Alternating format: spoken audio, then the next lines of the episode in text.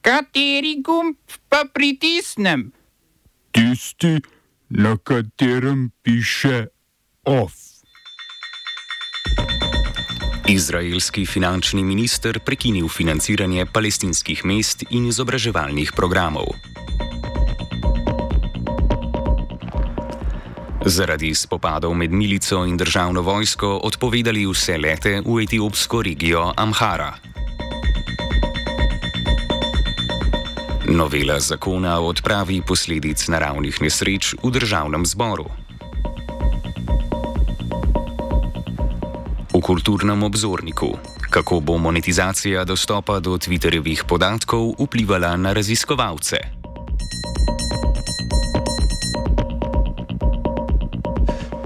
Izraelski finančni minister Bezalel Smotrič je zamrznil financiranje palestinskih mest in visokošolskih izobraževalnih programov v vzhodnem Jeruzalemu. Trdi, da bi sredstva na koncu pristala v rokah kriminalcev in teroristov, na palestinskih fakultetah pa naj bi se zredile radikalne islamistične skupine. Trdi tudi, da je financiranje sprejela prejšnja vlada in da to ni utemeljeno. Za financiranje mest je bilo v proračunu predvidenih nekaj manj kot 80 milijonov evrov, za izobraževanje pa skoraj 50 milijonov evrov.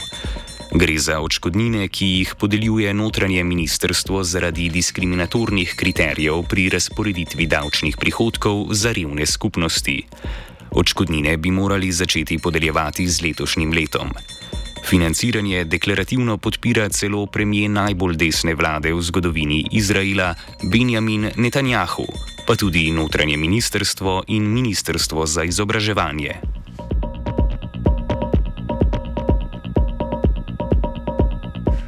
Etiopska državna letalska družba je do petka odpovedala lete v Bahir Dar, prestolnico Amhare.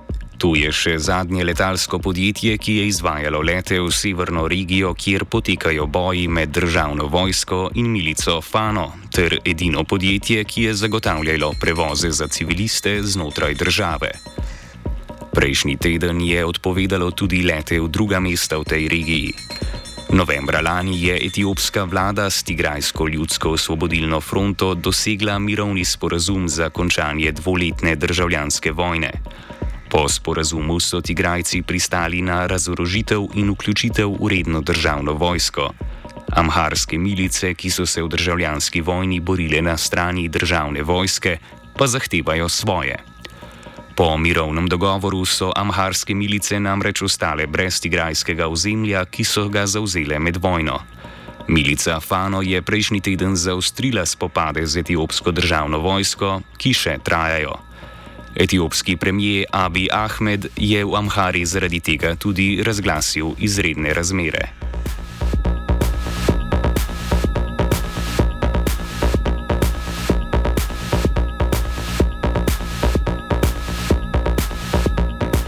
Britanska vlada je napovedala sodelovanje pri ustanovitvi operativnega programa policije v Turčiji, ki bo preprečevala izvoz čovnov z migranti. V programu, ki naj bi preprečeval trgovino z ljudmi, bosta s turškimi policisti sodelovala Britanska nacionalna agencija za kriminal in notranje ministrstvo. S programom želi britanska vlada okrepiti vezi med britanskimi in turškimi obveščevalci. Združeno kraljestvo bo v Turčijo poslalo tudi lastne policiste, že v lanskem letu pa je vlada turškim mejnim oblastem namenila več kot 3 milijone evrov, da bi preprečila prihod migrantov v Združeno kraljestvo. Z namenom zmanjšanja stroškov nastanitve migrantov je britanska vlada medtem začela selitvijo migrantov v bivše vojaške stavbe in tovorne čovne.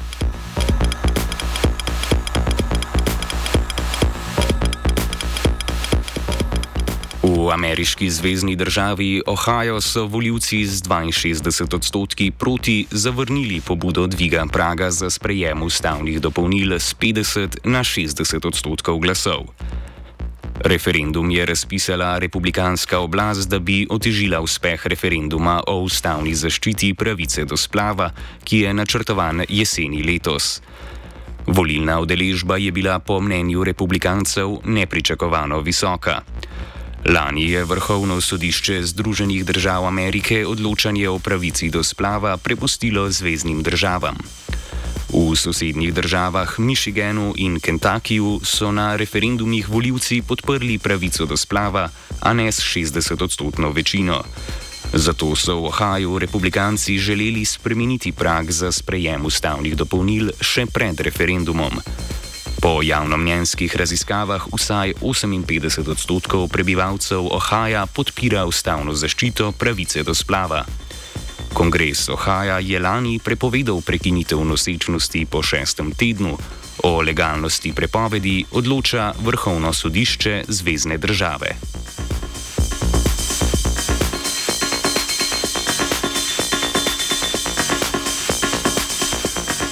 Nerazkrita evropska država je za vojskovanje v Ukrajini kupila 50 zastarelih tankov Leopard 1 iz Belgije.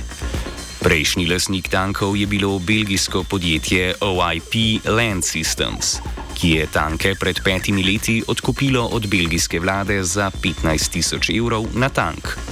OIP Land Systems zaradi zaupnosti noče izdati države, ki je nova lasnica tankov ali njihove prodajne cene. Nemški časopis Handelsblatt trdi, da je tanke iz Belgije kupilo nemško orožarsko podjetje Rheinmetall, ki te trditve, tako kot nemško obrambno ministrstvo, ne želi komentirati. Handelsblatt trdi tudi, da bodo tanki obnovljeni v Rheinmetallu v Nemčiji. Nekateri bodo uporabljeni za rezervne dele, drugi pa popravljeni. Tako bi 30 tankov čez pol leta lahko šlo v Ukrajino.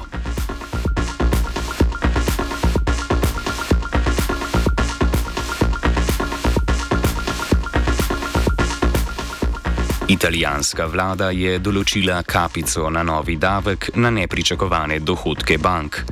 Davek je vlada napovedala zato, da bi ustavila nesorazmerno bogatenje nekaterih bank zaradi vedno višjih obrestnih mer. Le dan po napovedi novega davka pa je vlada nan napovedala kapico. Posojilodajalci bodo tako plačali največ desetino odstotka vrednosti vseh svojih sredstev.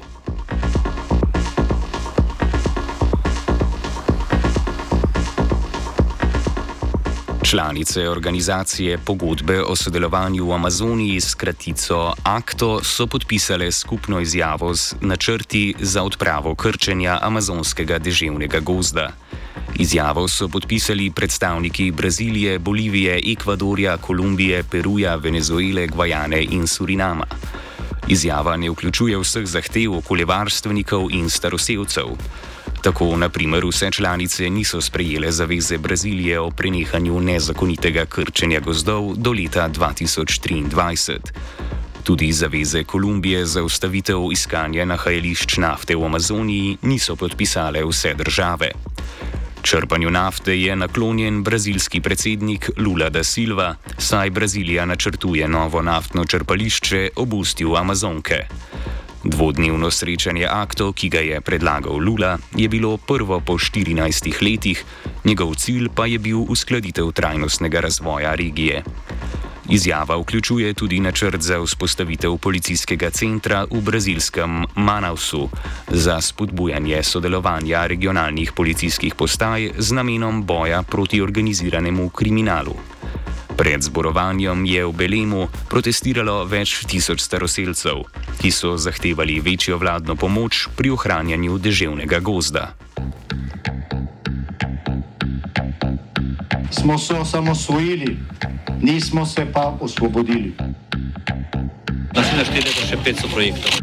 Izpiljene modele, kako so se strani nekdanje LDS rotirali. Ko to dvoje zmešamo v pravilno zmes, dobimo zgodbo o uspehu. Takemu političnemu razvoju se reče udar. Jaz to vem, da je nezakonito, ampak kaj nam pa ostane? Brutalni obračun s politično korupcijo. To je Slovenija, tukaj je naša zemlja, to je Slovenija, Slovenija, Slovenija. Državni zbor pravkar obravnava novelo zakona o odpravi posledic naravnih nesreč.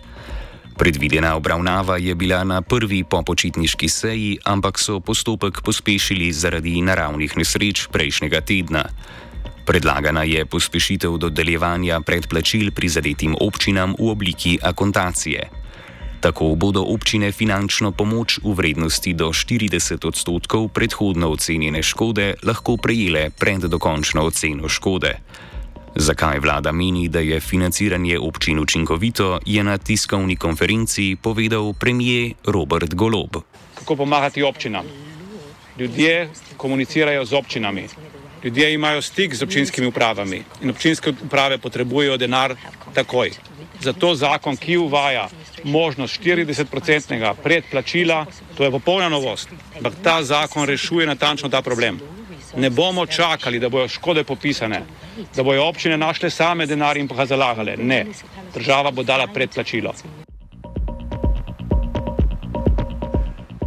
Če bo novela sprejeta, bodo spremembe veljale za vse naravne nesreče od začetka letošnjega leta. Država bo po zakonu sofinancirala zavarovalne premije za zavarovanje kmetijske proizvodnje in za kmetijske pridelke, ki jim je zaradi vremena proizvodnja padla vsaj za 80 odstotkov.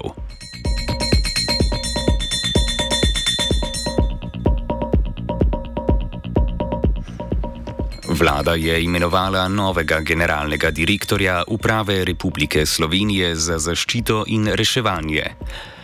Položaj za poln mandat, to je pet let, prevzema Leon Behin. Behin je bil od lanske jeseni vršilec dolžnosti po odstopu generalnega direktorja Darka Buta, ki je odstopil zaradi kibernetskega napada na upravo.